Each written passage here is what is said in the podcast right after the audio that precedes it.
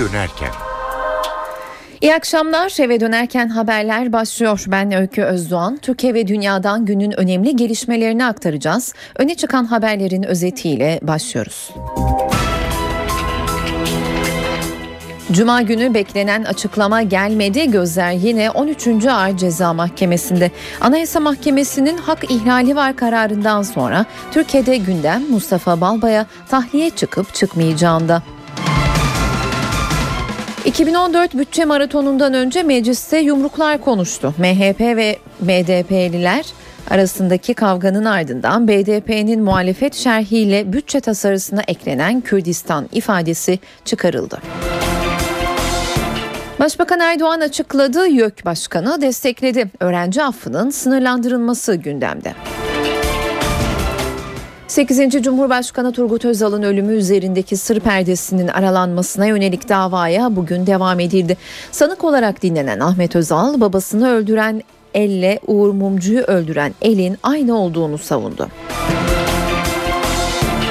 Umuda yolculuk yine ölümle bitti. 39 kaçağı taşıyan şişme bot Çeşme açıklarında battı. 3 kişi öldü, 9 kişi kayıp. Bazı emekli komutanların ordu evlerinden yararlanması yasaklandı. Gerekçe söz konusu komutanların Ergenekon, Balyoz ve benzeri davalar nedeniyle Genelkurmay'ı eleştirmeleri. Güney Afrika efsanevi liderini uğurlamaya hazırlanıyor. Mandela için ilk tören yarın düzenlenecek. Törende Türkiye'yi Başbakan Yardımcısı Beşir Atalay temsil edecek. İstanbul'a beklenen kar yarın yağacak mı? Yurttan son hava tahminlerini canlı yayında Gökhan Abur'dan alacağız. Özetleri aktardık. Şimdi haberler.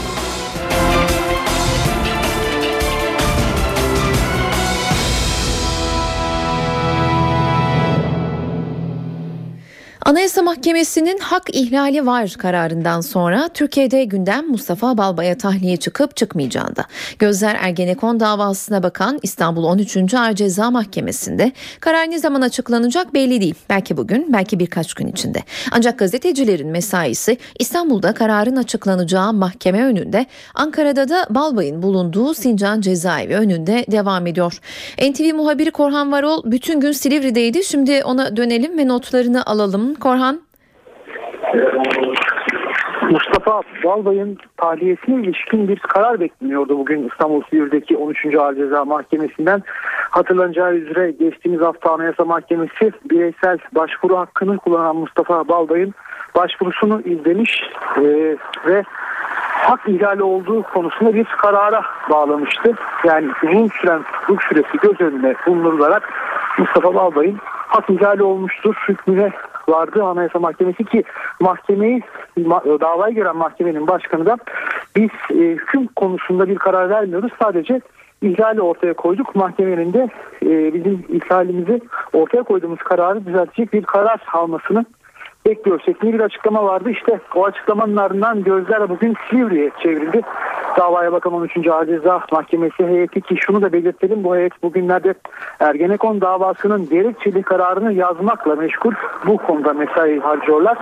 Ee, ancak hemen şunu da belirtelim Anayasa Mahkemesi'nin geçen hafta aldığı kararın gerekçeli kararı henüz Silivri'ye ulaşmadı. İşte bu yüzden de bugün herhangi bir karar çıkmadı. Öyle zannediyoruz ki yarın Mustafa Balbay'ın tahliyesiyle ilgili Silivri'den, e, Silivri'deki davayı gören İstanbul 13. Ağır Ceza Mahkemesi'nden bir karar çıkacak. Teşekkürler Korhan. NTV muhabiri Korhan Varol Silivri'den notlarını aktardı.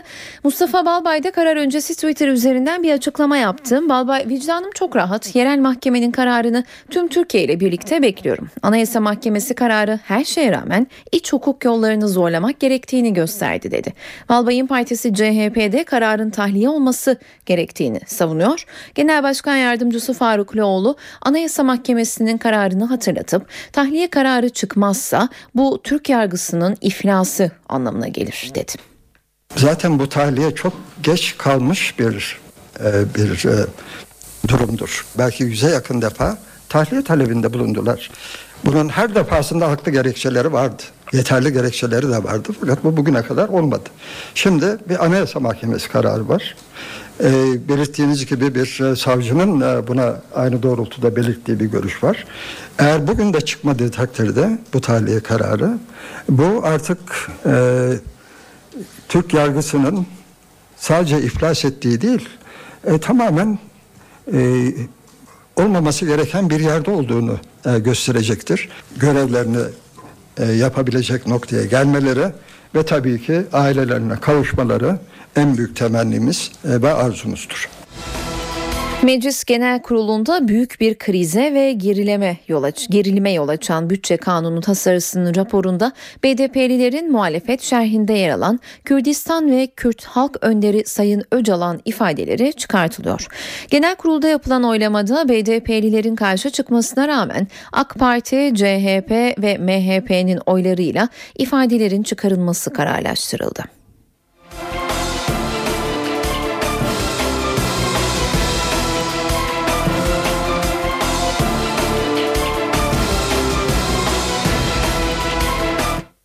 Meclis Genel Kurulu'nda oldukça gerilimi yüksek ve tansiyonu yüksek bir oturum gerçekleşiyor. Gerilimin ve tansiyonun yükselmesinin nedeni bütçe kanunu tasarısı raporunda BDP'li komisyon üyelerinin muhalefet şerhinde yer alan Kürdistan ifadesi. O Kürdistan ifadesi bugün genel kurulda yumruklu kavganın yaşanmasına az kalsın yol açıyordu. Büyük bir krize ve gerilime yol açan o Kürdistan ifadesi genel kurulda oy birliğiyle bütçe tasarısının raporundan çıkartılması kararlaştırıldı. Bütçe tasarısının raporunda BDP'li komisyon üyelerinin Doğu ve Güneydoğu'yu Kürdistan olarak nitelendirdikleri ve halk önderi Sayın Öcalan cümleleri Meclis Genel Kurulu'nda gerilimi arttıran en büyük nedendi. Genel Kurulda zaman zaman biraz önce de anlattığım gibi yumruklaşmaya varan kavgalar yaşandı. BDP ile MHP'liler arasında yaşandı bu yumruklaşmalı kavga. MHP'nin bütçeyi boykot ederiz çıkışının ardından AK Parti'de ifadelerin çıkartılması, bu ifadelerin çıkartılması için genel kurulda usul tartışması açtı. AK Parti Grup Başkan Vekili Mahir Ünal BDP'yi hedef alarak çözüm konusunda, barış konusunda iyi niyetiniz varsa yazdığınız muhalefet şehrinde hiçbir iyi niyet bulunmamaktadır. Hiç kimse bizim bu iyi niyetimizi istismar etmeye kalkmasın dedi. İşte bu sözler aslında Meclis Genel Kurulu'nda gerilimi e, hafiften tırmandıran sözlerdi. BDP'ye hedef alan bu sözlere cevap BDP'li Hasip Kaplan'dan geldi. Kaplan ne yaparsanız yapın Kürdistan ifadesini çıkartamayacaksınız dedi. Bu sözler genel kurulda tansiyonu iyiden iyiye yükseltti. O sırada MHP ile BDP sıralarında laf atış, atışmaları yaşandı. Kameralara yansımayan görüntülerde BDP Grup Başkan Vekili İdris Bolike'nin Özcan Yeniçeri'ye yumruk salladığı görüldü ve MHP sırası da BDP'lerin üzerine yürüdü. Meclisi yöneten Başkan Vekili Sadık Yakut oturuma ara vermek zorunda kaldı. Aranın ardından oturumu yöneten Sadık Yakut genel kurulda oylama yapmak istedi. Ancak BDP'lilerin oylama yapılma, yapılmaması için e, kürsüye yürüdüğü görüldü ve o sırada Sadık Yakut ne yapıyorsunuz Sayın Kaplan kürsüyü mü basacaksınız ifadesi de Meclis Genel Kurul'da e, dikkat çeken en önemli ifadelerden bir tanesiydi. BDP'lerin direnmesine rağmen Sadık Yakut oylamayı yaptı ve Kürdistan ifadesinin metinden çıkartılması genel kurulda oy birliğiyle kabul edildi. Evet genel kuruldaki gelişmeler böyleydi. NTV muhabiri Özgür Akbaş'ı dinledik. Hakkari'nin Yüksekova ilçesinde iki kişinin hayatını kaybetmesi, üçüncü gününde de gösterilerle protesto edildi. Yüksekova ve Antalya Akdeniz Üniversitesi'ndeki gruplara polis müdahale etti. Olayları süreci sabote etmeye yönelik bulan hükümet BDP'ye çağrı yaptı. CHP ise yaşananların kaygı verici olduğu görüşünde. Akdeniz Üniversitesi karıştı. Hakkari Yüksekova'da iki kişinin ölümünü protesto eden bir grup öğrenciye polis müdahale etti. Yüzlerini aklı ve kapüşonlarla kapatan 150 kişilik grup karşıt görüşlü öğrencilerle tartıştı. Grup arbedeye müdahale eden polise taş ve şişe attı. Bir polisle emniyet amiri yaralandı. Eğlence grup ATM'ler ve güvenlik kulübelerine zarar verdi. Yüksekova'da da gerginlik vardı. İlçedeki İpek Yolu Caddesi'nde toplanan bir grup yolu barikatlarla kapattı. Polise taş ve molotof kokteyli attı. Polis zırhlı araçlarla barikatları kaldırıp göstericileri dağıttı. Yüksekova'daki olaylar hafta sonunda Diyarbakır, Bingöl ve Cizre'de izinsiz gösterilerle protesto edildi. Aralarında 4 polisin de olduğu ondan fazla kişi yaralandı. Hükümetten yaşananların süreci sabote etmeye yönelik olduğuna dair açıklama geldi. Türkiye'nin yakalamış olduğu bu periyodu e, tahrip etmek isteyen unsurlar maalesef belli e, atraksiyonlarla, belli tahriklerle bu süreci sabote etmek istiyorlar. Sabırla, sebatla, e, akıl ile e, inşallah biz bu sürecin sürdürülmesini amaçlıyoruz. Adında özellikle barış olan, demokrasi olan partinin ve onun siyasi sözcülerinin de bomba atanları, taş atanları, kınamalarını ve onların arkasında durmamalarını tavsiye ediyoruz. Ona davet ediyoruz onları. Muhalefette yaşananları kaygı verici olarak değerlendirdi. Her olayın altında bir, bir provokatör çıkıyor. Diyelim ki provokatör de oldu. E bunun cevabı e, şey değil, insanların canını almak olmamalı.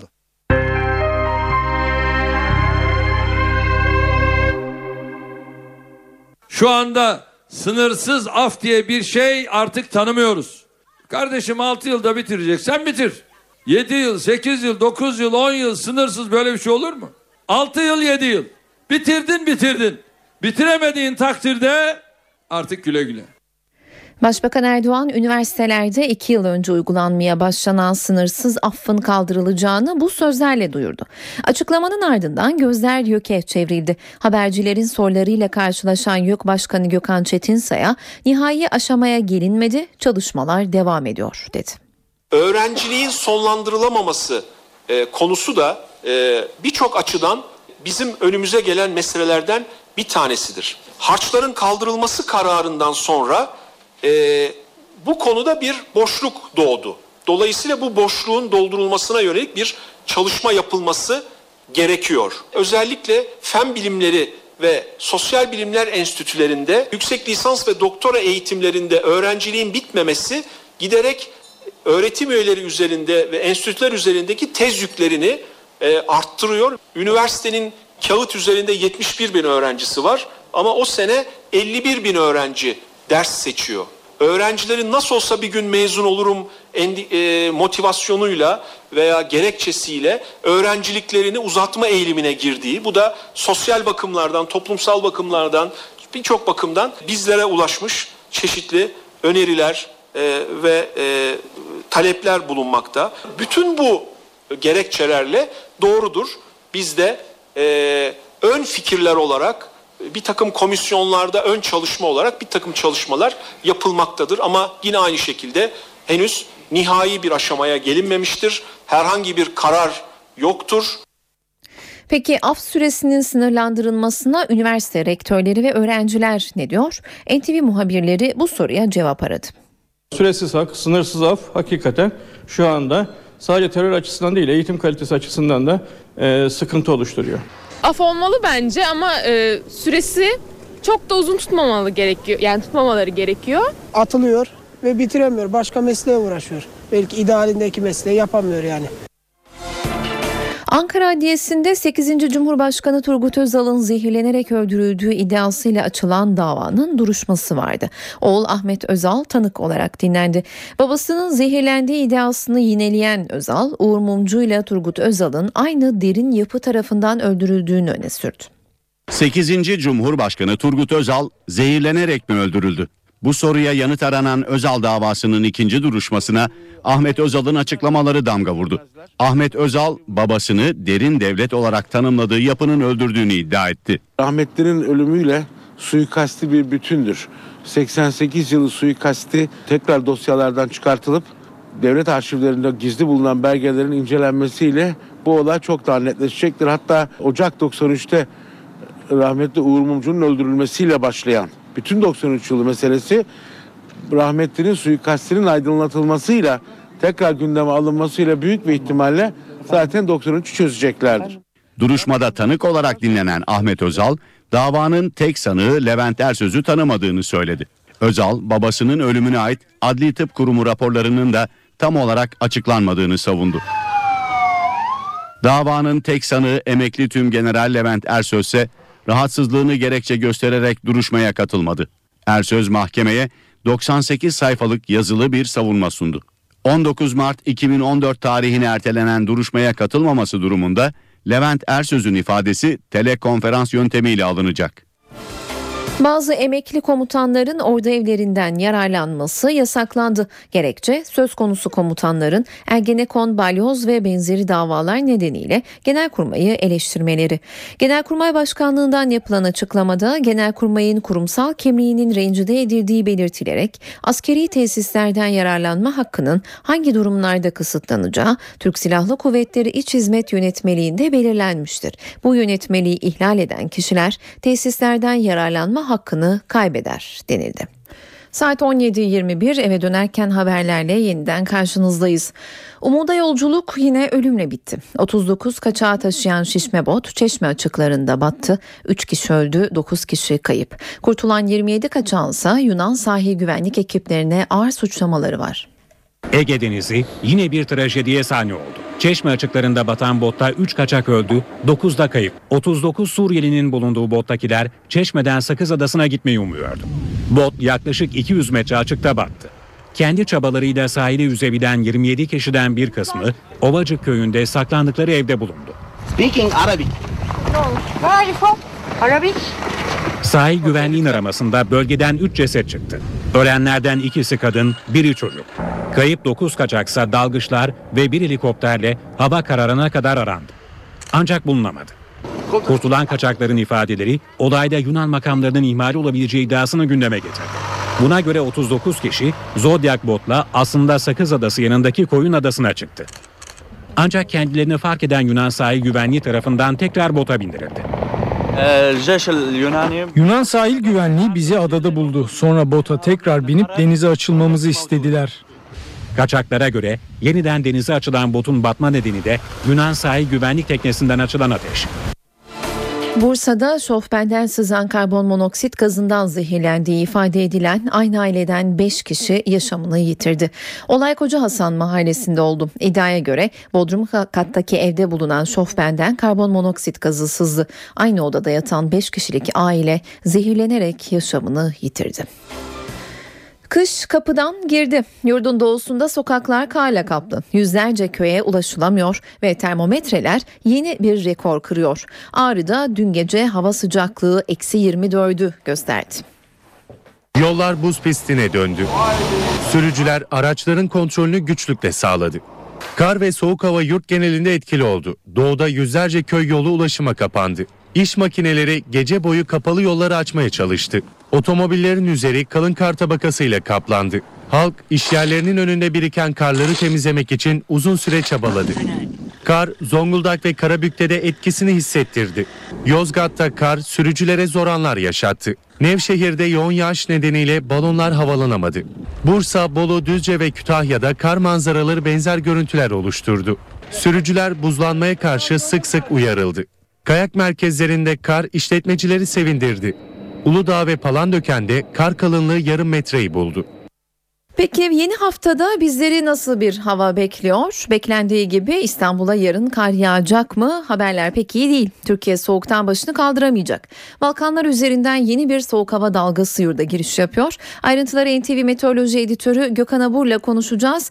Ee, Sayın Abur hoş geldiniz stüdyomuza. Merhaba hoş bulduk iyi akşamlar. İyi akşamlar. İstanbul'da başlayalım isterseniz. Kar mega kente ne zaman gelecek ve ne kadar etkili olacak?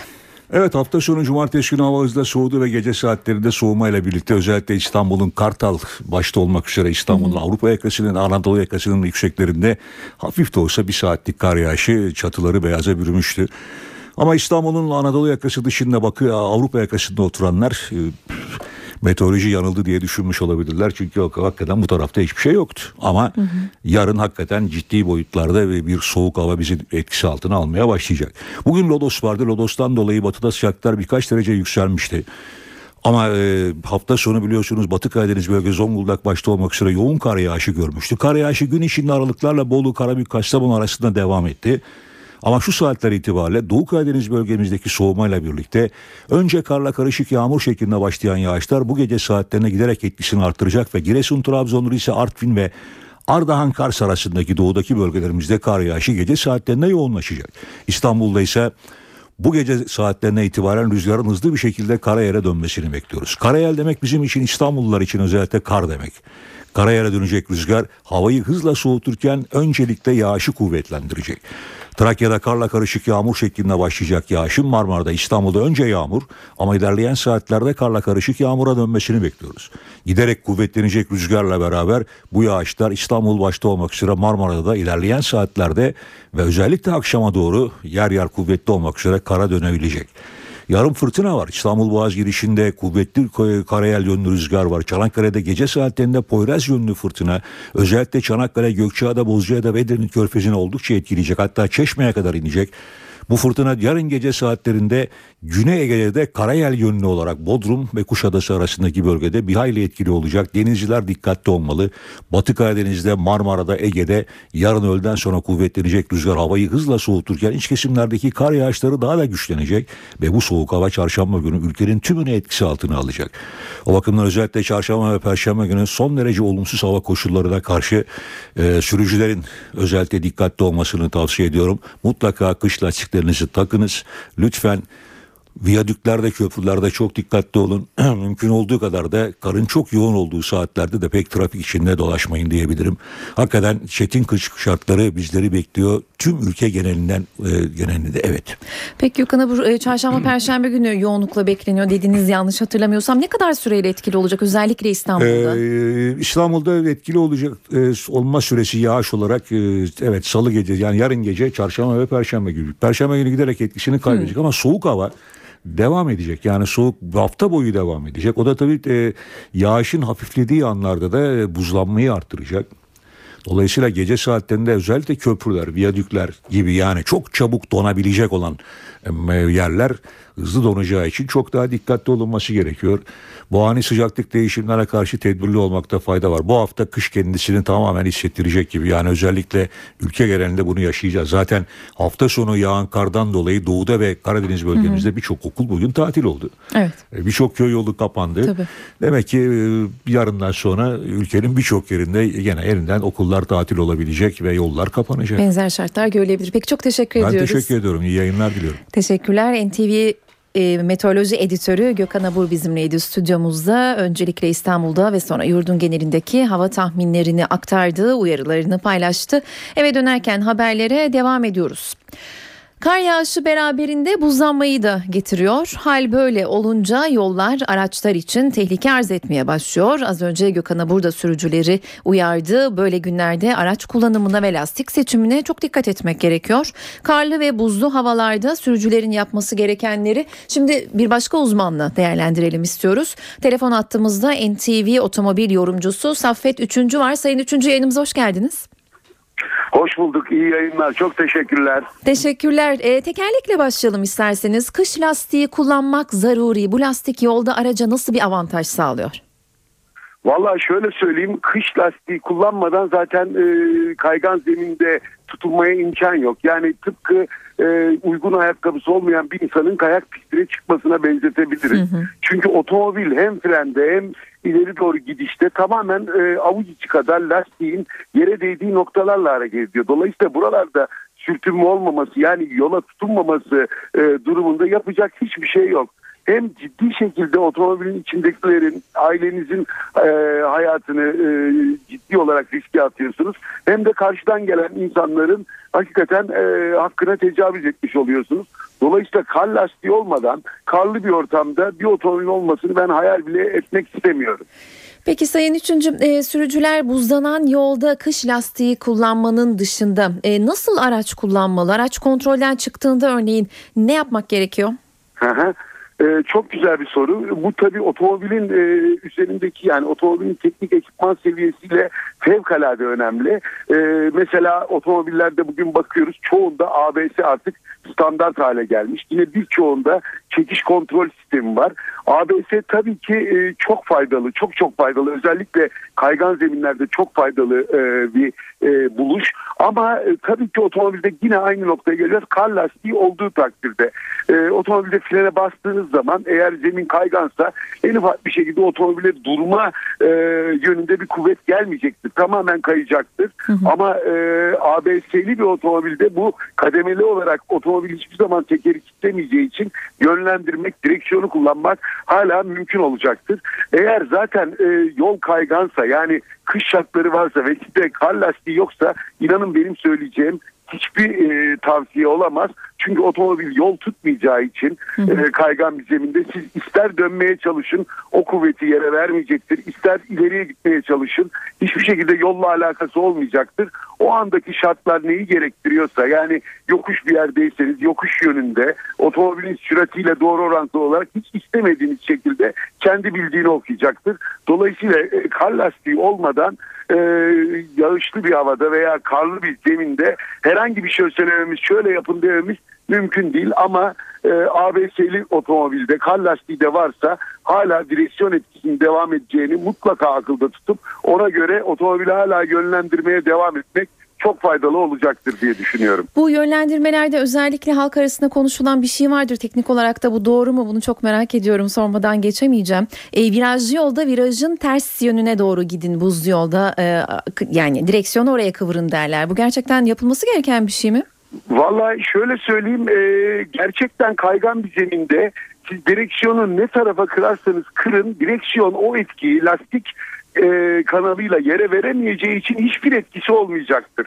Çok özel konumlarda ama şöyle söyleyeyim e, eğer düz bir yerse otomobile ve sürati de düşükse çok yüksek değilse hani direksiyon etkisiyle fren yapmadan e, belki otomobil e, düzeltilebilir doğru yola alınabilir otomobilin kaydığı yönün tersine bir direksiyon etkisi vererek kontra vererek ama bu söylediklerim tamamen yere eğer tekerlekler değiyorsa söz konusu yani kontrollü bir kayma kontrol edebileceğiniz bir kayma e, söz konusuysa ancak geçerli olabilir. Eğer siz gerçekten hiçbir şekilde yere tutunamıyorsanız ne yaparsanız yapın otomobil hiçbir şekilde hiçbir etkiyi kabul etmeyecektir.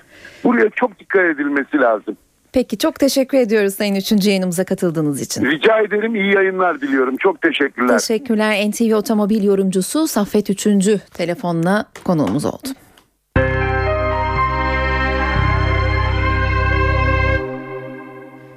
Amerika'da da kara kış hüküm sürüyor. Kar yağışı ve buzlanma nedeniyle birçok trafik kazası meydana geldi. Hava ulaşımında iptaller yaşandı. Binlerce uçak seferi yapılamadı.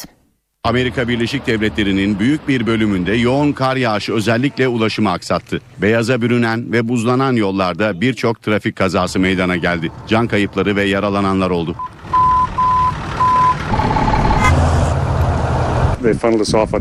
Otobana nasıl çıkabileceğimi düşünüyorum ama yol kapalı. Yani eve nasıl döneceğimi bilmiyorum ama güneye doğru gitmeye çalışacağım.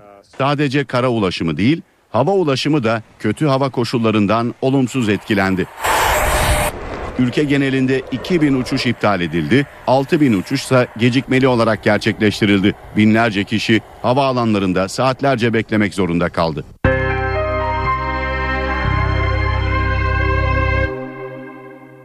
İlik nakli bekleyen yüzlerce hasta için yeni bir umut kapıda. Acıbadem ve Erciyes Üniversitelerinin ortak çalışmasıyla yarı uyumlu iliklerin bağışçıdan hastaya naklinde büyük bir başarı elde edildi. Çalışma iki yıl içinde sorunsuz ilerlerse dünyada ilk donörü, ilik donörü sorunu kalmayacak.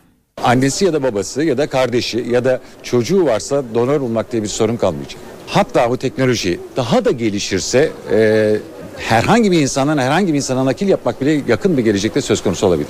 İlik bekleyen yüzlerce hastaya çözüm yolunda önemli bir adım atıldı. Acıbadem ve Erciyes Üniversitesi'nin çalışması yarı uyumlu ilikle bile naklin başarılı olabileceğini gösterdi.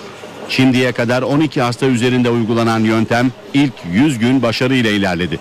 Bu yeni yöntemle biz çiftli ayıklama yöntemi diyoruz. Şu anki sonuçları tam uyumlu kardeşten yapılacak nakille hemen hemen eşdeğer belki daha da iyi gibi gözüküyor şu anda baktığımızda. Peki bu naklin diğerlerinden farkları neler? Klasik nakillerde kullandığınız ilacın %50'siyle bu nakli bitirebilmeniz, üstelik çok daha kısa sürede hastayı taburcu edebilmeniz, üstelik de 100 günlük mortalite açısından sağ kalım tümüyle %100 tüm tüm hastalarımız yaşamayı e, başarabildi. Oysa bu klasik nakillerde dahi yani tam uyumlu nakillerde dahi sonuçlar bu kadar henüz bu kadar iyi değil. O yüzden ben bu metot oturduğunda gerçekten bir devrim olacağına inanıyorum. Eğer bu metot kendisini iki sene içerisinde gerçekten ispatlar ise e, dünyada ve Türkiye'de donör sorunu diye bir sorun lösemiler için kalmayacak. Yeni nakil yönteminin hayata geçmesi iki yıl sonundaki başarıya bağlı. Türkiye'de ilik nakli bekleyen yüzlerce çocuk var. Onlardan biri de küçük Melis'ti. Lösemiyle mücadelede sembol haline gelen küçük Melis 8. yaşını hastanede kutladı. Melis'e gelecek hafta ilik nakli yapılması planlanıyor. Babası gelinlik aldı, kardeşi pasta kesti. Lösemi hastalığı için kampanya sonucu uygun ilik nakli bulunan Melis doğum gününü hastanede kutladı. Melis Akbaş'ın 8. yaşı hastanede pasta kesilerek kutlandı. İlik nakli olmaya hazırlanan Melis enfeksiyon riski nedeniyle odasından çıkarılmadı. Baba Bahadır Akbaş doğum günü hediyesi olarak kızına gelinlik aldı. E, nakilden sonra asıl doğum gününü nakilden sonra yapacağız. Sağlığına kavuştuktan sonra o çok evet o çok seviyor gelinliği o yüzden gelinlik aldım. Melis'in pastasına ise 2 yaşındaki kardeşi Berat kesti. Kutlamaya katılamayan Melis arkadaşlarını ve kardeşini pencereden el sallayarak selamladı. 4 yaşındayken lösemi teşhisi konulan ve 3 yıllık tedavinin ardından hastalığı nükseden Melis Akbaş için uygun donör Amerika'dan bulundu. Melis'e 17 Aralık'ta ilik nakli yapılması planlanıyor.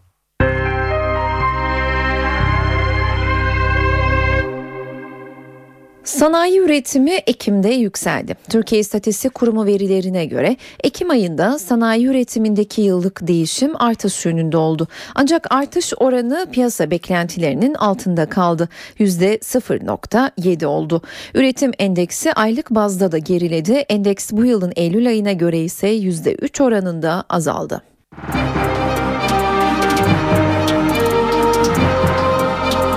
Para ve sermaye piyasalarından son verileri aktaralım. BIST 100 endeksi şu sıralar 74.230 puan seviyelerinde seyrediyor. Bankalar arası piyasada dolar 2.02, euro 2.78 liradan satılıyor. Euro dolar paritesi 1.35, dolar yen paritesi 101 seviyelerinde.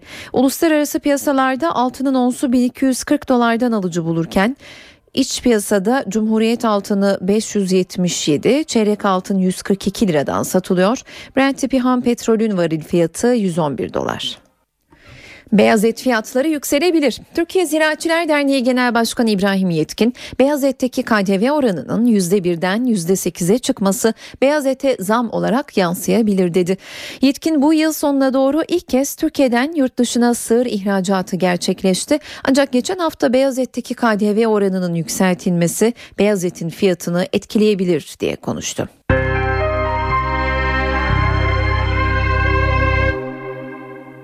Eve dönerken haberlerle yeniden karşınızdayız. Vize muafiyetine giden yolda adım atılıyor. Türkiye ile Avrupa Birliği gelecek hafta geri kabul anlaşmasını imzalayacak. Hedef ve beklenti Türk vatandaşlarının 3,5 yıl içinde Avrupa'ya vizesiz seyahat edebilmesi. Avrupa Birliği Bakanı Egemen Bağış geri kabul anlaşması ile ilgili NTV'den Erhan Ertürk'ün sorularını yanıtladı. Bağış imza ile birlikte Türkiye'nin sınır boylarında yapacağı denetlemeler hakkında ve anlaşmanın Suriyelileri etkileyip etkilemeyeceği konusunda bilgi verdi.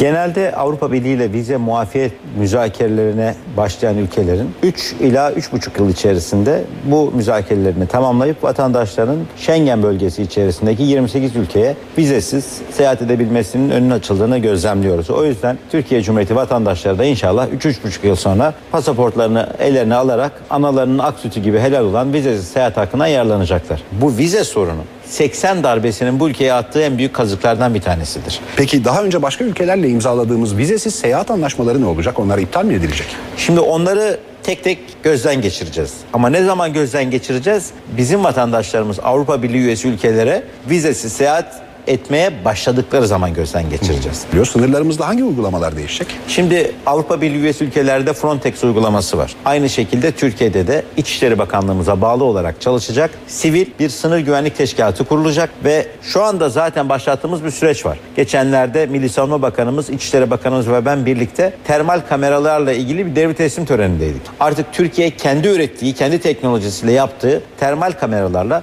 kilometrelerce ötedeki hareketliliği takip edebiliyor. Bütün sınırlarımıza bunlar döşenmeye başlandı bile. Bunun bu şartlardan bir tanesiydi örneğin. Yine benzer bir şekilde bizim Türkiye'nin bütün sınırlarının güvence altına alınması. Bu hem teröre karşı mücadelede hem kaçakçılığa karşı mücadelede hem yasa dışı örgütlere karşı mücadelede çok önemli bir süreç. Aynı zamanda vatandaşlarımızın da vizesiz seyahatinin önünü açacak olan bir süreç. Yani yapmamız gereken bir şeyi yaparken öte yandan da vatandaşlarımızın vizesiz seyahat hakkını da kazanmalarını sağlıyoruz. Ayın 16'sında anlaşma imzalanacak. Peki bu Türkiye'deki Suriyelileri nasıl etkileyecek? Etkileyecek mi? Türkiye'deki Suriyelileri çok etkilemez. Biz onlara biliyorsunuz mülteci gözüyle bakmıyoruz. Misafir gözüyle bakıyoruz. Geri kabul anlaşmasının getireceği mali yük nasıl karşılanacak? Onu da Avrupa Birliği fonlarıyla karşılayacağız. Yani Avrupa Birliği'nin Türkiye'ye ayırdığı katılım öncesi ortaklık fonları var. O fonlarla bir takım tesisler inşa edilecek. Mesela Türkiye'de dil laboratuvarları kurulacak. Geri gelen insanların medeni bir şekilde insani koşullarda barınmasını sağlayacak barınaklar, kalacakları yerler olacak. Onların bir takım ihtiyaçlarına yönelik çabalar olacak. Ama biz özellikle bir konuyu bu müzakere sürecinde çok ısrarcı bir şekilde altını çizdik. O da Türkiye'nin atacağı adımların her biri vize muafiyetiyle birlikte yürürlüğe girecek ve eğer vize muafiyeti sağlanmazsa Türkiye bu konularda tamamen vazgeçme hakkını saklı tutuyor. Protokoller hayata geçer. Türkiye-Ermenistan ilişkileri canlanır mı? Soruya yanıt bulunabilmesi için bu hafta kritik. Dışişleri Bakanı Ahmet Davutoğlu Perşembe günü Ermenistan'ın başkenti Erivan'a gidiyor. Davutoğlu Karadeniz Ekonomik İşbirliği Zirvesi kapsamında gerçekleştireceği bu ziyarette Ermenistan Devlet Başkanı ile de bir görüşme yapacak. Ayrıntıları NTV Diplomasi muhabiri Deniz Kilislioğlu'ndan alacağız. Deniz Davutoğlu'nun çantasında neler var? Bu görüşme sonrasında Erivan yönetiminden pratik bazı adımlar beklemek gerekiyor mu? Tabii bunu söylemek için erken, o görüşmeden sonra da bunu söylemek için erken olacak. E, çünkü zor bir süreç, çok ayağı olan bir süreç. Sadece Türkiye-Ermenistan arasındaki meselenin çözülmesi değil, bu aynı zamanda e, Ermenistan ve Azerbaycan arasındaki Karabağ sorununun çözülmesiyle de doğrudan ilintili bir şey. Yani Türkiye Azerbaycan tarafına atacağı adımlar konusunda ikna ederken bazı adımların atılma noktasında da Ermenistan'ın ikna ediliyor olması lazım. Burada Rusya'nın tabii rolü çok önemli. Ermenistan üzerinde önemli bir etkisi olan bir ülke. Dolayısıyla Rusya bu Kafkas barışını nasıl görür? Özellikle Orta Doğu'da olağanüstü bir e, güçle e, politikalarına devam ederken bir anlamda Orta Doğu'ya yeniden dönmüşken Rusya Kafkaslar'da elini zayıflatacak bir hamlenin bir parçası olur mu? Bunlar hep soru işareti. Dolayısıyla çok boyutlu görmek gerekiyor e, Kafkasya'daki barış çabalarını. Tabii 4 yıl aradan sonra Dışişleri Bakanı Ahmet Davutoğlu'nun Erivan'a gidiyor olması sadece bu açıdan bile önemli. Türkiye'nin kanalları açık tutma, Kafkaslar'da yeniden başlatılan çabalar sürerken pozitif bir adımla katkı yapma anlamında değerlendirilebilir bu ziyaret. Sen de söyledin Karadeniz Ekonomik İşbirliği Örgütü Dışişleri Bakanları toplantısına gidiyor. Ama bu toplantının marjında Ermeni Dışişleri Bakanı Nalbantyan'la bir görüşme olabilir mi? E, bu merak ediliyor. Kuşkusuz alttan alta bu görüşmelerin bu görüşmenin yapılabilmesi için bir çaba harcanıyordur. Ama her iki taraf da şu aşamada sessiz. Bir görüşme net değil diyor ama dışlamıyorlar da görüşmeyi. Tabii iç kamuoyuna dönük bir takım eleştiriler yani iç kamuoyunda başlayacak tartışmaları da son ana kadar e, göğüsleyebilmek için yani son ana kadar bu tartışmaları hararetlendirmemek için iki tarafta belki bu görüşme yapılacaksa son anda duyurmayı e, düşünebilirler. Bu yönde bir e, adım atılabilir. Dolayısıyla görüşme olursa az önce bahsettiğimiz boyutta tüm e, çerçevesiyle bu konu Kafkaslardaki çabalar ele alınacak. Azerbaycan ve Ermenistan Cumhurbaşkanları yeniden Minsk grubu e, arabuluculuğuyla görüşmeye başlamışlardı. Bir taraftan o görüşmeler devam ediyor. Diğer taraftan Türkiye'nin Azerbaycan'la teması var.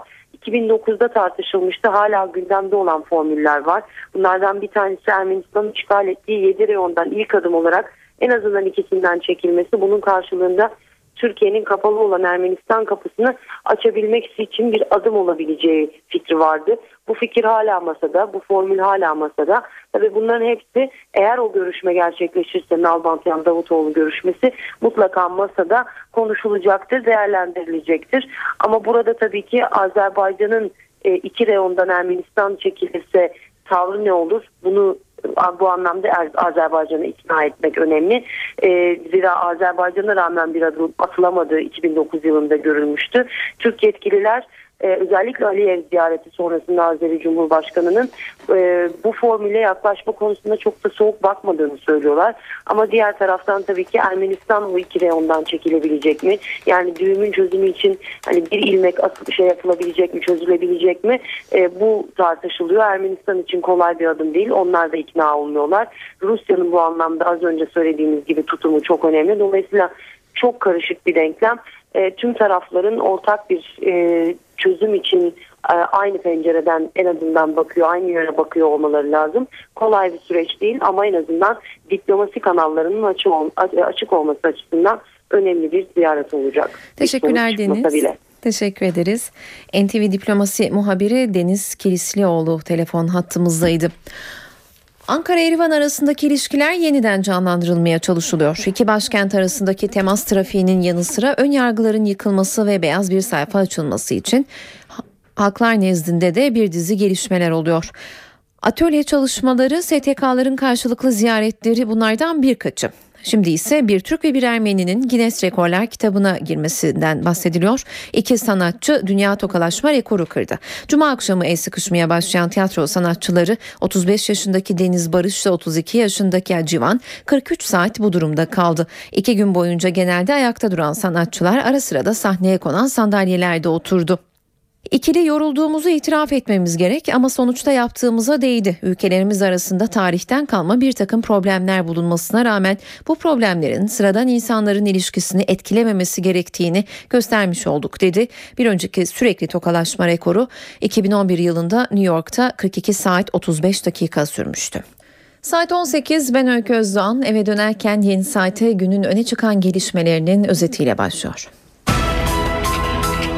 Cuma günü beklenen açıklama gelmedi. Gözler yine 13. Ağır Ceza Mahkemesi'nde. Anayasa Mahkemesi'nin hak ihlali var kararından sonra Türkiye'de gündem Mustafa Balbay'a tahliye çıkıp çıkmayacağında. 2014 bütçe maratonundan önce mecliste yumruklar konuştu. MHP ve BDP'liler arasındaki kavganın ardından BDP'nin muhalefet şerhiyle bütçe tasarısına eklenen Kürdistan ifadesi çıkarıldı. Başbakan Erdoğan açıkladığı YÖK Başkanı destekledi. Öğrenci affının sınırlandırılması gündemde. Umuda yolculuk yine ölümle bitti. 39 kaçağı taşıyan şişme bot Çeşme açıklarında battı. 3 kişi öldü, 9 kişi kayıp. Bazı emekli komutanların ordu evlerinden yararlanması yasaklandı. Gerekçe söz konusu komutanların Ergenekon, Balyoz ve benzeri davalar nedeniyle genelkurmayı eleştirmeleri.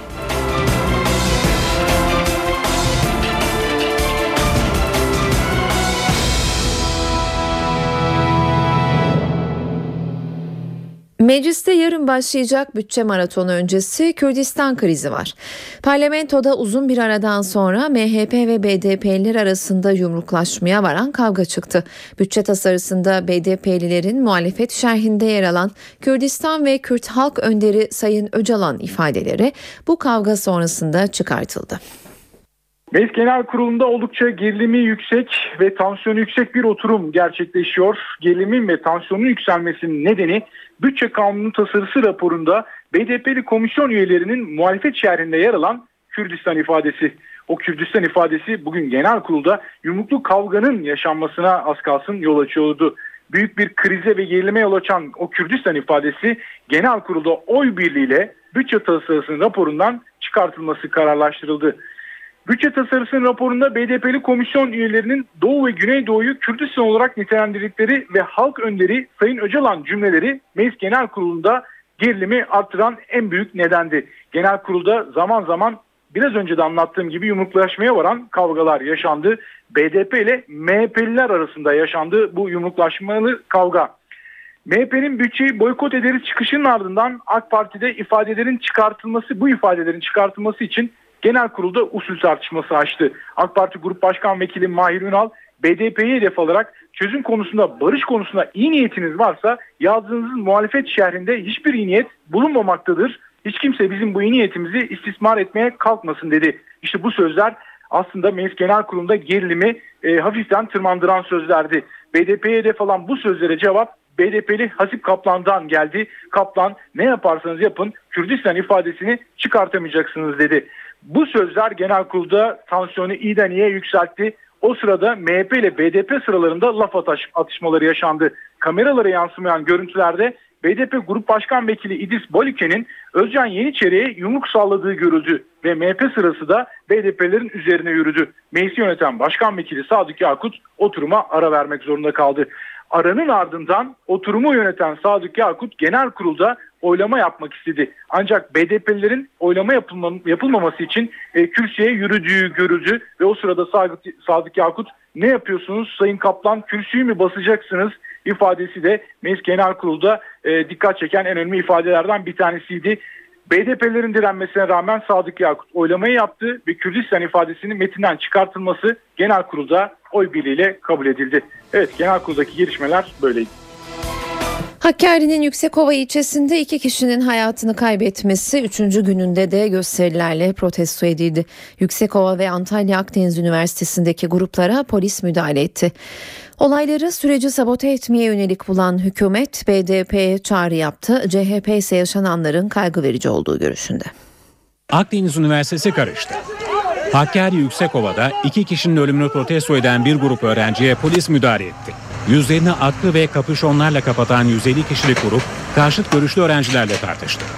Grup arbedeye müdahale eden polise taş ve şişe attı. Bir polisle emniyet amiri yaralandı. Eğlence grup ATM'ler ve güvenlik kulübelerine zarar verdi. Yüksekova'da da gerginlik vardı. İlçedeki İpek Yolu Caddesi'nde toplanan bir grup yolu barikatlarla kapattı. Polise taş ve molotof kokteyli attı. Polis zırhlı araçlarla barikatları kaldırıp göstericileri dağıttı. Yüksekova'daki olaylar hafta sonunda Diyarbakır, Bingöl ve Cizre'de izinsiz gösterilerle protesto edildi. Aralarında 4 polisin de olduğu ondan fazla kişi yaralandı. Hükümetten yaşananların süreci sabote etmeye yönelik olduğuna dair açıklama geldi.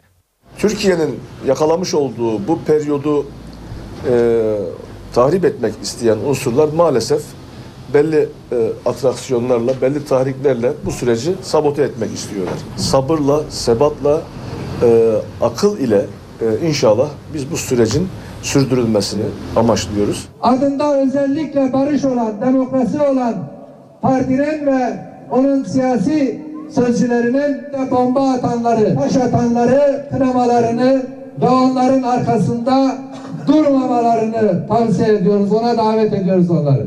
Muhalefette yaşananları kaygı verici olarak değerlendirdi. Her olayın altında bir, bir provokatör çıkıyor. Diyelim ki provokatör de oldu. E bunun cevabı e, şey değil, insanların canını almak olmamalı. Anayasa Mahkemesi'nin hak ihlali var kararının ardından yerel mahkemenin Mustafa Balbay ile ilgili kararı bekleniyor. Balbay tahliye olacak mı olmayacak mı Gözler Ergenekon davasına bakan İstanbul 13. Ağır Ceza Mahkemesi'nde. Karar bugün ya da birkaç gün içinde çıkacak. Mustafa Balbay da o kritik karar öncesi Twitter üzerinden bir açıklama yaptı. Balbay vicdanım çok rahat. Yerel mahkemenin kararını tüm Türkiye ile birlikte bekliyorum. Anayasa Mahkemesi kararı her şeye rağmen iç hukuk yollarını zorlamak gerektiğini gösterdi dedi.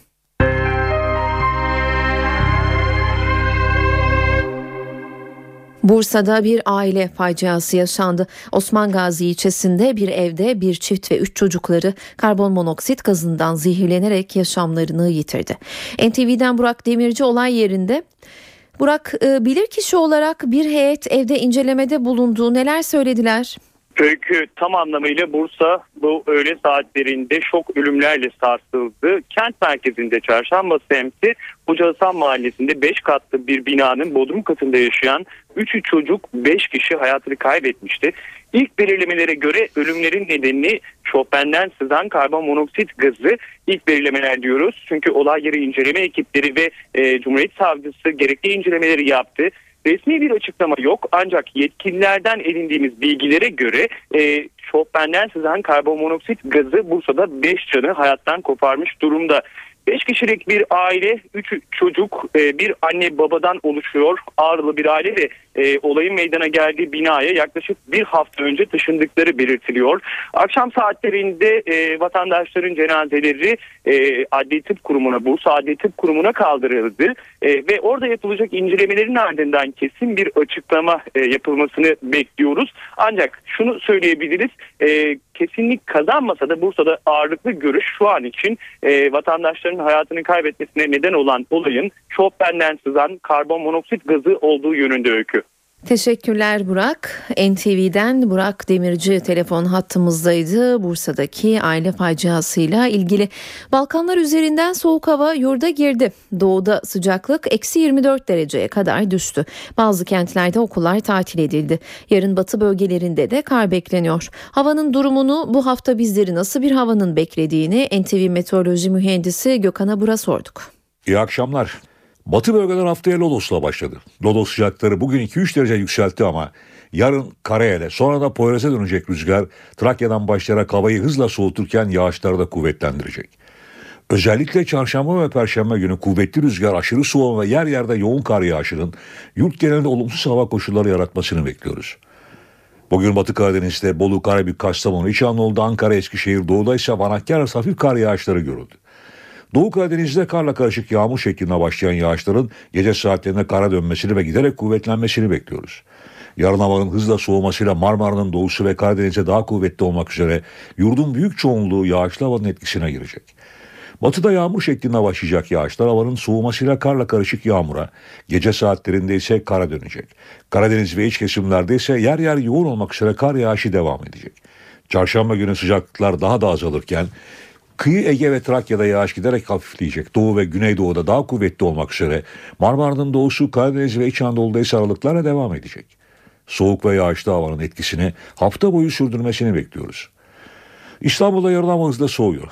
Yağış, sulu kar ve yükseklerde kara dönüşecek. Sıcaklık ise 4 derece. Ankara'da hafif kar yağışları sabah saatlerinde görülüyor. Yarın öğleden sonra tekrar kar başlayacak ve akşam ve gece saatlerinde giderek yoğunlaşacak. Sıcaklık ise gün için en fazla 4 derece olacak. Gece sıcaklığının eksi 4 derecenin altına inmesini bekliyoruz. İzmir'de ise yağış öğleden sonra kesilecek. Hava hızla soğuyor. Gün içinde sıcaklık 8 derece ama İzmir'de havanın çarşamba günü daha da soğumasını bekliyoruz. Hepinize iyi akşamlar diliyorum. Hoşçakalın. İstanbul'da beklenen kar yağışı öncesi polis ekipleri yollarda alarma geçti. Kar gelmeden denetim sıklaştırıldı. Trafik polisleri kentin değişik noktalarında kar lastiği ve araç gereç kontrolü yapıyor.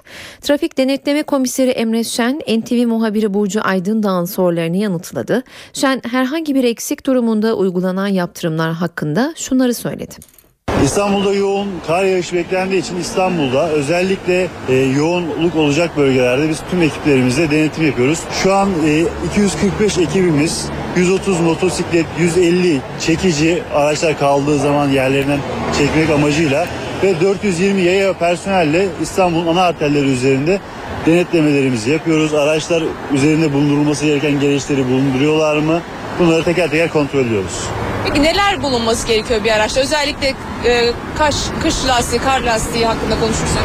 Araçta özellikle kar yağışı da araçların yolda kalmaması için zincir, çeki alatı, takoz gibi e, gereçlerin bulunması gerekiyor. Bunun yanında yangın tüpü e, vesaire el feneri gibi gereçlerin de araçlarda bulunması gerekiyor. Ve bunu bulundurmayan araçlara da Karayolları Trafik Kanunu'na göre 77 Türk Lirası ceza işlemi uyguluyoruz. Ayrıca yük ve yolcu taşımacılığı yapan ticari araçlarda e, kar lastiği kullanımı 1 Aralık ile 1 Nisan tarihleri arasında zorunlu tutulmuş. Kış lastiğinin önemi nedir? Hava bildiğimiz gibi e, soğuduğu zaman asfalt da soğuyor ve asfalttaki sürtünme katsayısı düşüyor. Özellikle yağmur ve karlı havalarda bu e, sürtünme katsayısı daha çok düşüyor. Araç e, devir ederken asfalt üzerinde e, yere tutunduğu oran desenlerinden kaynaklı daha az oluyor doğal olarak. Ancak kısa lastikleri özel bir tasarımla üretilmiştir. Eksi 7 derecenin altındaki sıcaklıklarda, düzeltiyorum 7 derecenin altındaki sıcaklıklarda özellikle daha sağlam bir tutulma sağlarlar ve e, yerdeki sıvıyı daha güzel e, dışarıya atarak tutulmayı artırırlar. Nasıl uyarılarda bulunuyorsunuz sürücülere durduğunuz zaman? Öncelikle e, zorunlu olan araçların kar lastiklerini kullanması gerektiğini belirtmek isteriz. Onun dışında araç gereçlerinde eksiklik olmasın. Kış şartlarında ben tekrar silecek suları ile ilgili de sürücüleri uyarmak istiyorum çünkü sileceklerin iyi çalışması görünürlüğü artıracaktır. aşırı hız yapmamaya e, dikkat ederlerse kazaları önlemeye yardımcı olmuş olurlar. Özellikle ticari araçların kış lastiği takması zorunlu hale getirildi bu sene. Peki durdurdunuz diyelim ki kış lastiği yok. Nasıl bir ceza uygulanıyor? Efendim e, kanun maddesine göre gerekli ceza işlem uygulanıyor. E, en yakın yerleşim birimine kadar ona izin veriliyor. Oraya gidip takması gerekiyor sürücülerin. Saat 18.18 ben Öykü Özdoğan eve dönerken de ekonomi günlüğü var sırada sanayi üretimi Ekim'de yükseldi. Sanayi üretimi Ekim ayında %0,7 oranında arttı. Aylık bazda ise %3 bir gerileme var. Ayrıntıları NTV Ankara İstihbarat Şefi Ahmet Ergen'den alacağız. Ahmet endeks büyüme hakkında bir fikir veriyor mu? Belki, belki öncelikle bunu söylemekte fayda var. Ee, sanayi üretim rakamları e, büyüme, ekonomik büyüme açısından %30-35'e varan bir ağırlığa sahip. Yani büyüme rakamlarının e, neredeyse üçte birinin sanayi üretimiyle ilgili olduğunu söylemek mümkün. Ve bugün açıklanan rakamlar Ekim ayında da sanayi üretiminde geçtiğimiz yılın aynı ayına göre yıllık değerlendirmeye göre artışın sürdüğünü gösterdi. Ama şunu da vurgulayalım artış piyasa beklentilerinin altında bir oranda kaldı. %0,7 oranında arttı sanayi üretimi. Ekim ayında piyasaların beklentisi yıllık değişim açısından %3,8 e, oranındaydı. E, mevsim ve takvim etkisinden arındırılmış rakam sanayi üretiminin bu yılın Eylül ayına göre değişimi ise bir düşüş gösteriyor. %3,1'lik bir azalma söz konusu.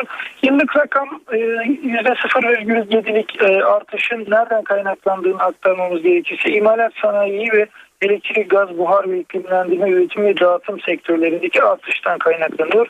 Ölçümü yapılan diğer grubun madencilik ve taş ocakçılığı sektörünün düştüğünü belirtelim. Aylık değişimi gösteren %3,1'lik azalmada da öne çıkan sektör dayanıklı tüketim malı imalatı %6,9'luk düşüş var Ekim ayı itibariyle bu göstergede.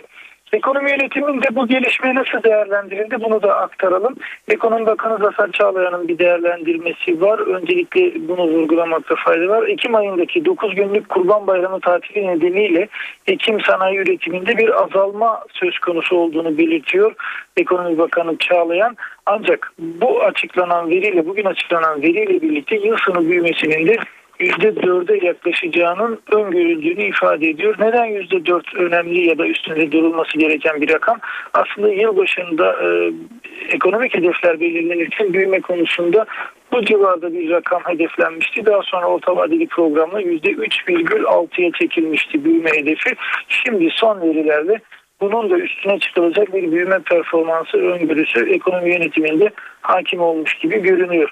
Bilim Sanayi ve Teknoloji Bakanı Nihat Ergün'ün de bir değerlendirmesi var. Kasım ve Aralık aylarında çok daha güçlü bir sanayi üretiminin öncü verileri görülmektedir diyor Bakan Ergün. Ve bu çerçevede yine Ekonomi Bakanı Çağlayan gibi büyümenin tahminlerin bir miktar üstünde gerçekleşeceğine dikkat çekiyor.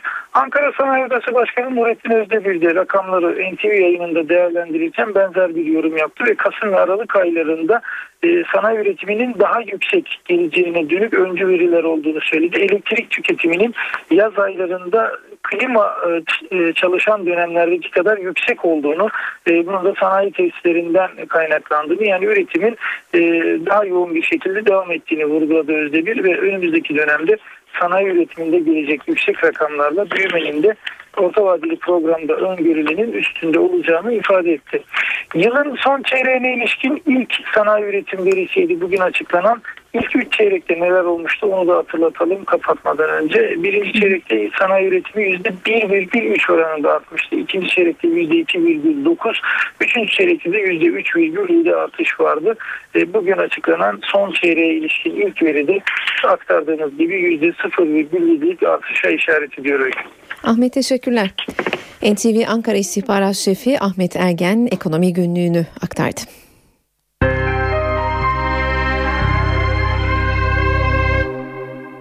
...2013 altın için kötü geçti. Altın fiyatları 2013'te 14 yıl sonra ilk kez yatırımcısına para kaybettirdi. Altının 14 yıldır ilk defa bir seneyi değer kaybıyla tamamlaması bekleniyor. En son 1999 yılını düşüşle kapatan külçe altın 1999-2012 yılları arasında %872 değerlendi. 14 yıllık süreçte altının onsu 172 dolardan 2011'de 1921 dolara kadar yükselerek rekor kırdı. Altında bu yıl yaşanan değer kaybı ise %26'ya ulaştı. Dolardaki yükseliş ise içerideki düşüşü sınırladı. Yeni yıla 95 liranın üstünde başlayan kapalı çarşıda altının gramı bu yıl %16 gerileyerek 80 liraya kadar düştü.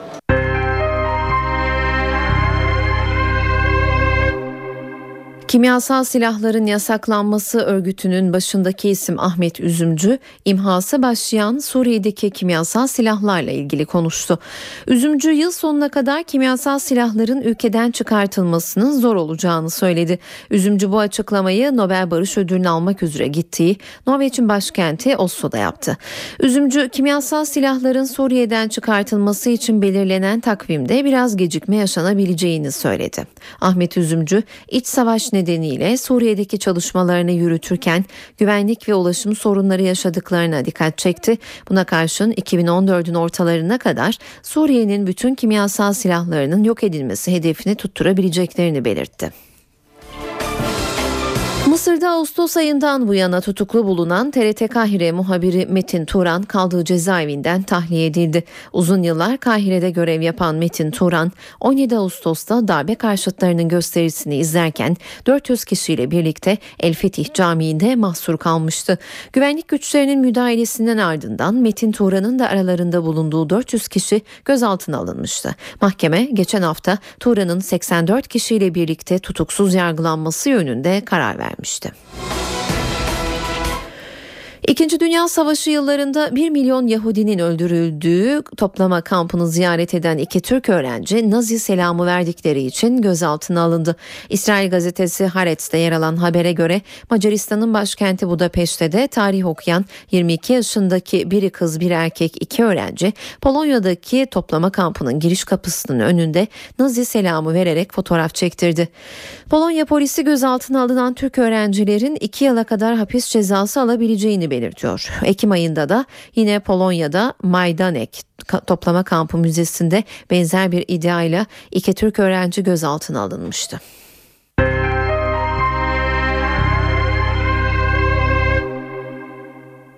Dokuz yıl önce turuncu devrimin gerçekleştiği Kiev sokakları şimdi yönetim karşıtı gösterilere sahne oluyor. Ukrayna'da hükümetin Rusya yanlısı politikasını protesto eden kalabalık büyüyor. Dün akşam Sovyetler Birliği'nin kurucusu Vladimir İlyich Lenin'in heykeli yıkıldı. Ukrayna'nın başkenti Kiev'de hükümeti protesto etmek için düzenlenen eylemler sürüyor, hız kesmiyor. Protestocuların hedefinde özellikle Avrupa Birliği ile imzalanması beklenen anlaşmayı erteleyen ve Rusya yanlısı siyaset izleyen devlet başkanı Viktor Yanukovych var. Ellerinde Ukrayna bayrakları taşıyan binlerce kişi kent meydanlarında ve ana yollarda eylemlerine devam etti. Protestolar sırasında meydanda bulunan Sovyetler Birliği kurucusu Lenin'in bir heykeli de yıkıldı. Heykeli çekiç ve balyozlarla parçalayan eylemciler heykelin Sovyet döneminde Ukrayna üzerindeki Rus hegemonyasının sembolü olduğu görüşünde. Ukrayna'nın bağımsız olduğu 22 yıl boyunca bu heykelin burada durması Rus işgalini atlatamadığımızı gösteriyordu. Bence bu eylem bu psikolojik bariyeri aşmamızda ve Ukrayna'nın değiştiğini gösterme konusunda önemli bir adım. Muhalif parti liderleri ise heykelin yıkılmasıyla bir ilgileri olmadığını belirtti. Lenin heykeliyle ilgili aldığımız bir karar yok. Aramızda böyle bir konuşma geçmedi. Ülkede gerilim yükselirken Avrupa Birliği Dış Politika Şefi Catherine Ashton'ın bu hafta Ukrayna'ya gideceği açıklandı. Tayland'da günler süren gösteriler Başbakan Shinawatra geri adım attırdı. Başbakan parlamentoyu feshederek erken seçim kararı aldı. Ülke 2 Şubat'ta sandık başına gidecek. Ancak erken seçim kararına rağmen kriz tam olarak çözülmüş değil. Tayland Başbakanı Yingluck Shinawatra haftalardır ülkeyi sarsan protestolar karşısında geri adım attı. Parlamentoyu feshederek erken seçim kararı aldı. Tüm tarafların görüşlerini dinledikten sonra parlamentonun fesli için talepte bulundum. Ancak başbakanın bu kararı muhalefette protestocuları tatmin etmedi. Başkent Bangkok'ta sokakları dolduran 100 binden fazla gösterici, başbakan istifa edene kadar protestoları sürdürecek. Ülkeyi terk etmeliler. Şinavatra ailesini bu ülkede istemiyorum. Ülkeden çekip gitmeliler. Karardan memnun değilim. Parlamentoyu feshetseler bile hala iktidardalar. Erken seçimin Tayland'da derinleşen siyasi krize çözüm olmayabileceğine işaret ediliyor. Kırsal kesimle yoksulların desteklediği Başbakan Yingluck Shinawatra'nın partisi 2011'deki seçimleri ezici çoğunlukla kazanmıştı. Erken seçimlerde de benzer bir sonuç alınabileceği belirtilirken zengin kesimin desteğine sahip muhalefetteki Demokrat Parti'nin uzun bir süredir seçimleri kazanamadığına dikkat çekiliyor. Güney Afrika Nelson Mandela'ya veda etmeye hazırlanıyor. Ayrımcılıkla mücadelenin sembol ismi Mandela hafta boyunca düzenlenen törenlerle anılacak. İlk resmi tören yarın düzenlenecek. Dünya liderlerinin hazır bulunacağı törende Türkiye'yi Başbakan Yardımcısı Beşir Atalay temsil edecek. Mandela pazar günü çocukluk ve emeklilik yıllarını geçirdiği konuda son yolculuğuna uğurlanacak. Dünya Güney Afrika'nın efsanevi lideri Nelson Mandela'ya veda ediyor. Hayatını ırk ayrımıyla mücadeleye adayan Mandela için ilk olarak Johannesburg'da resmi bir anma töreni düzenlenecek. Tören 95 bin kişilik Soweto stadında yapılacak. ABD Başkanı Barack Obama ve İran Cumhurbaşkanı Hasan Ruhani'nin de aralarında olduğu 70'ten fazla dünya lideri törene katılacak. Törende Türkiye'yi Başbakan Yardımcısı Beşir Atalay temsil edecek. Resmi törene katılacak isimler arasında Birleşmiş Milletler Genel Sekreteri Ban Ki-moon, eski ABD Başkanları George W. Bush, Bill Clinton, Jimmy Carter ve U2'nun solisti Bono da var. Mandela'nın naaşı Cuma günü de başkentte Cumhurbaşkanlık, Meclis ve Başbakanlığın bulunduğu binada katafalka konulacak. Nelson Mandela pazar günü çocukluk ve emeklilik yıllarını geçirdiği Kunu'da son yolculuğuna uğurlanacak. Efsanevi lider aile üyelerinin ve az sayıda davetlinin katılacağı törenle toprağa verilecek. Aylardır tedavi gören Mandela 95 yaşında yaşamını yitirmişti. Yaşamının 27 yılını hapiste geçiren Mandela 1994 yılında Güney Afrika'nın ilk siyah devlet başkanı olmuştu. Nelson Mandela 1993'te Nobel Barış Ödülü'ne layık görülmüştü. Irak'tan yine bombalı saldırı haberi geldi. Diyala ilinde bomba yüklü aracın infilak etmesi sonucu onlarca kişi yaşamını yitirdi. Emniyet kaynaklarından edinilen bilgiye göre özellikle Şiilerin çoğunlukta yaşadığı Bakuba'nın güneyinde yer alan Behraz semtindeki bir kahvehanenin yakınlarında park edilmiş bomba yüklü araç infilak etti. Öğle saatlerinde gerçekleşen saldırı sonucu onlarca kişi yaşamını yitirdi. Yüzden fazla da yaralı var. Irak'ta geçtiğimiz hafta gerçekleşen gerçekleşen 7 ayrı intihar saldırısında da 24 kişi yaşamını yitirmişti. Ülkede son bir yılda düzenlenen saldırılarda ölenlerin sayısı 8 bini buldu. Amerika'da dinleme ve izleme skandalı yeni bir evreye girdi. Milyonlarca kişinin internet yazışmaları ve telefon görüşmelerinin izlendiğinin ortaya çıkması teknoloji devlerinin canını sıktı. Google, Facebook ve Twitter'ın da aralarında bulunduğu dev şirketler internet özgürlüğünün korunması için Başkan Obama'ya mektup yazdı. Teknoloji devlerinden Obama yönetimine önemli bir çağrı var. 8 teknoloji firması internet özgürlüğünün korunması için Amerika Birleşik Devletleri Kongresi ve Başkan Barack Obama'ya mektup yazdı. Mektupta Google, Apple, Facebook, AOL, Twitter, Microsoft, LinkedIn ve Yahoo'nun imzası bulunuyor. Dünyaca ünlü 8 firma mektuplarında Amerikan Ulusal Güvenlik Dairesi'nin kişisel verileri izleme faaliyetlerinden duyulan rahatsızlığı dile getirdi. Şu anki uygulamanın halkın özgürlüğüne zarar verdiğine dikkat çekildi. İnternet devleri kişisel özgürlüklerin korunabilmesi için izleme faaliyetlerinin reforme edilmesi çağrısında bulundu. Eski CIA çalışanı Edward Snowden, Amerika Birleşik Devletleri'nin milyonlarca kişinin telefon görüşmeleri ve internet yazışmalarını izlemeye aldığını ifşa etmişti. Amerika Birleşik Devletleri dışında da yüz milyonlarca telefonun izlendiği ve elde edilen bilgilerin bir veri bankasında depolandığı ortaya çıkmıştı. Saat 18.38 ben Öykü Özdoğan eve dönerken haberlerle yeniden karşınızdayız.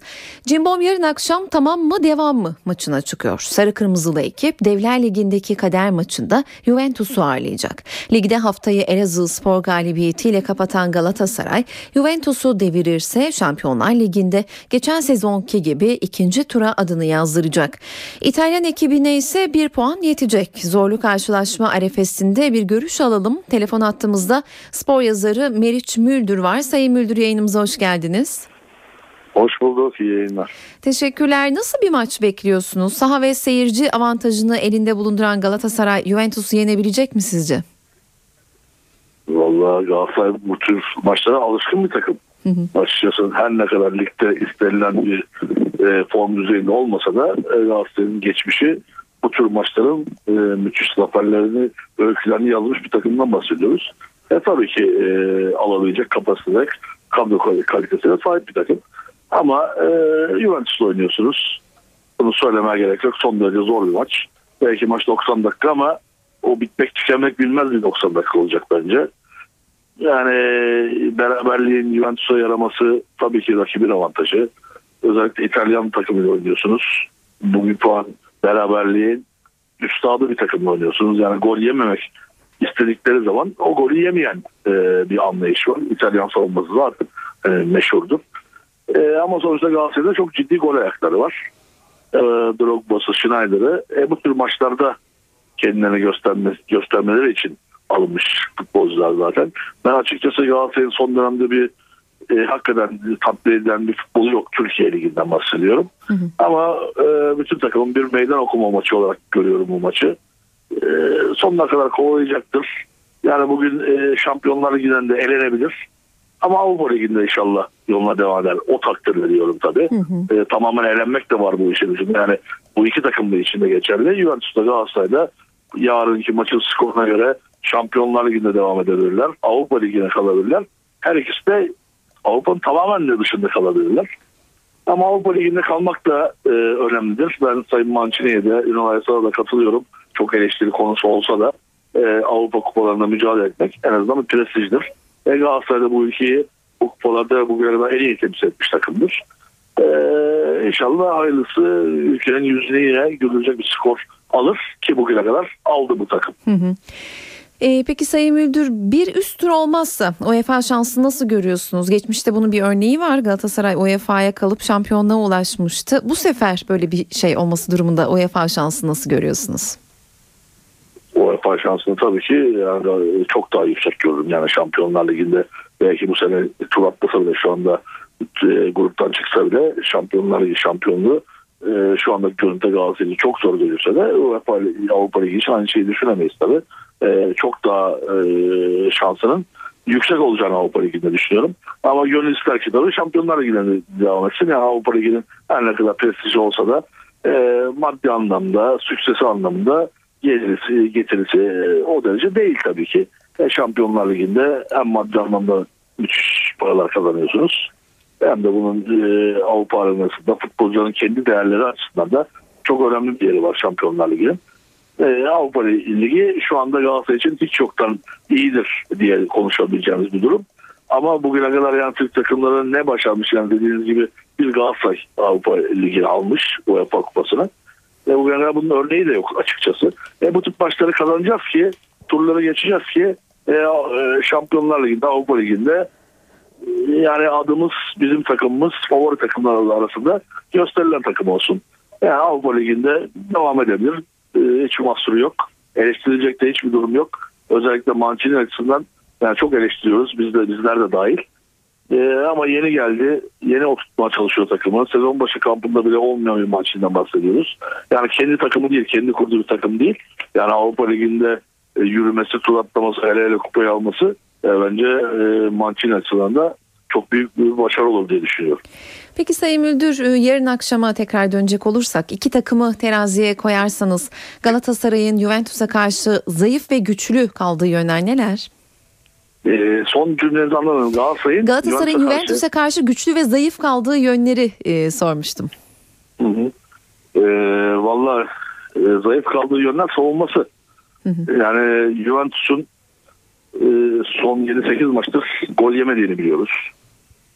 15 maç oynadığını baz alırsak gol orta, yediği gol ortalamasının savunmasının e, bir civarında olduğunu biliyoruz.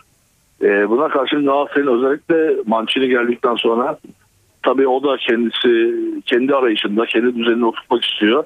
Ee, bir kadroda sürekli taşlarla yerine oynaması söz konusu. Özellikle defans anlamında.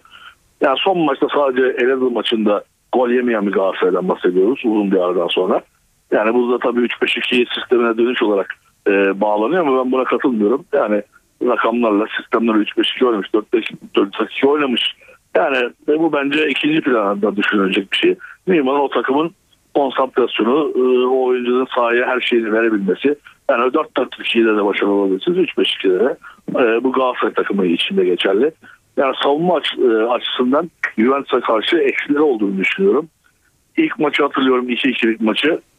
Özellikle Juventus takımının sağ kanattan ve sol kanattan bol bol kanatlardan inip yaptığı ortaları uzaktan at, attığı şutları hatırlıyorum. Özellikle kanatlarda yapılan ortalar duran topların Galatasaray için e, sıkıntı yaratacağını düşünüyorum.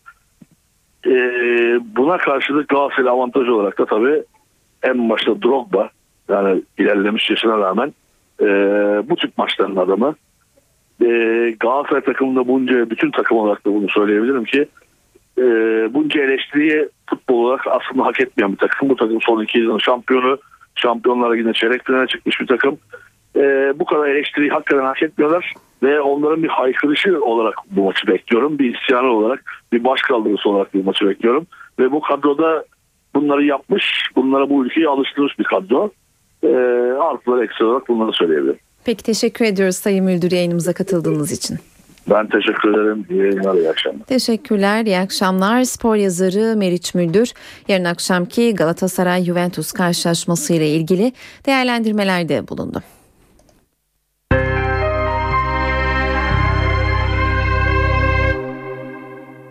Eve dönerken haberlere devam ediyoruz. İstanbul'da trafiğin yanı sıra park sorunu da günden güne büyüyor. İspark bu sıkıntıyı çözmek için denizden bir proje üretti. Proje ile İstanbul'da yüzer otopark dönemi başlayacak. Deniz alanları kullanılarak otopark sorununun çözümüne katkı sağlanacak. Proje kapsamında atıl durumda olan şehir hatları vapurlarını da yeniden elden geçirip yüzer otopark olarak kullanılması planlanıyor. Sistemin şehrin önemli bölgelerinde hizmet vereceği için otopark sorununa büyük katkı sağlaması bekleniyor. İspark öncelikle Marmaray'ın Üsküdar ve Kadıköy istasyonuyla Harem'e, Avrupa yakasında ise Kazlıçeşme ve Sirkeci istasyonlarına yakın noktalarda yüzer otopark projelerini devreye alacak. İstanbul trafiğine alternatif çözüm olacak proje için kamu ve özel sektör kuruluşları İspark'a teklif getirdi. İki farklı seçeneğin sunulduğu projede sıfırdan yeniden imal edilen yüzer otoparklar ya da mevcut yolcu taşıma gemileri modernize edilerek sistem hayata geçirilecek. Yüzer otoparkla kara bağlantısının yapılacağı otoparklara aracını bırakan sürücü kentin her iki yakasında Marmara'ya binerek istediği noktaya ulaşacak. NTV Radyo'da eve dönerken programıyla karşınızdayız ama bir son dakika gelişmesini paylaşalım. CHP milletvekili Mustafa Balbay için yerel mahkeme kararını açıkladı. Balbay tahliye edildi. E, gözler bugün Silivri'deydi biliyorsunuz. Beklenen karar çıktı. Anayasa Mahkemesi geçen hafta verdiği kararda Balbay'ın hak ihlali yapıldığı yönündeki başvurusunu kabul etmişti. Şimdi NTV canlı yayınına bağlanıyoruz. Korhan Varol e, dinliyoruz. Korhan Varol'u dinliyoruz. NTV muhabiri Korhan Varol. E, gerekçeli kararı Silivri'deki 13. Ağır Ceza Mahkemesi'ne ulaştı ve mahkeme heyeti toplandı, durumu değerlendirdi ve e, Mehmet Haberol, e, düzeltiyorum Mustafa Balbay'ın tahliyesine hükmetti. E, birazdan mahkeme heyeti e, Ankara'daki e, Sincan Cezaevi bir müzekkere yazısı yazacak e, ve Mustafa Balbay'ın tahliye işlemleri başlayacak bu akşam itibariyle.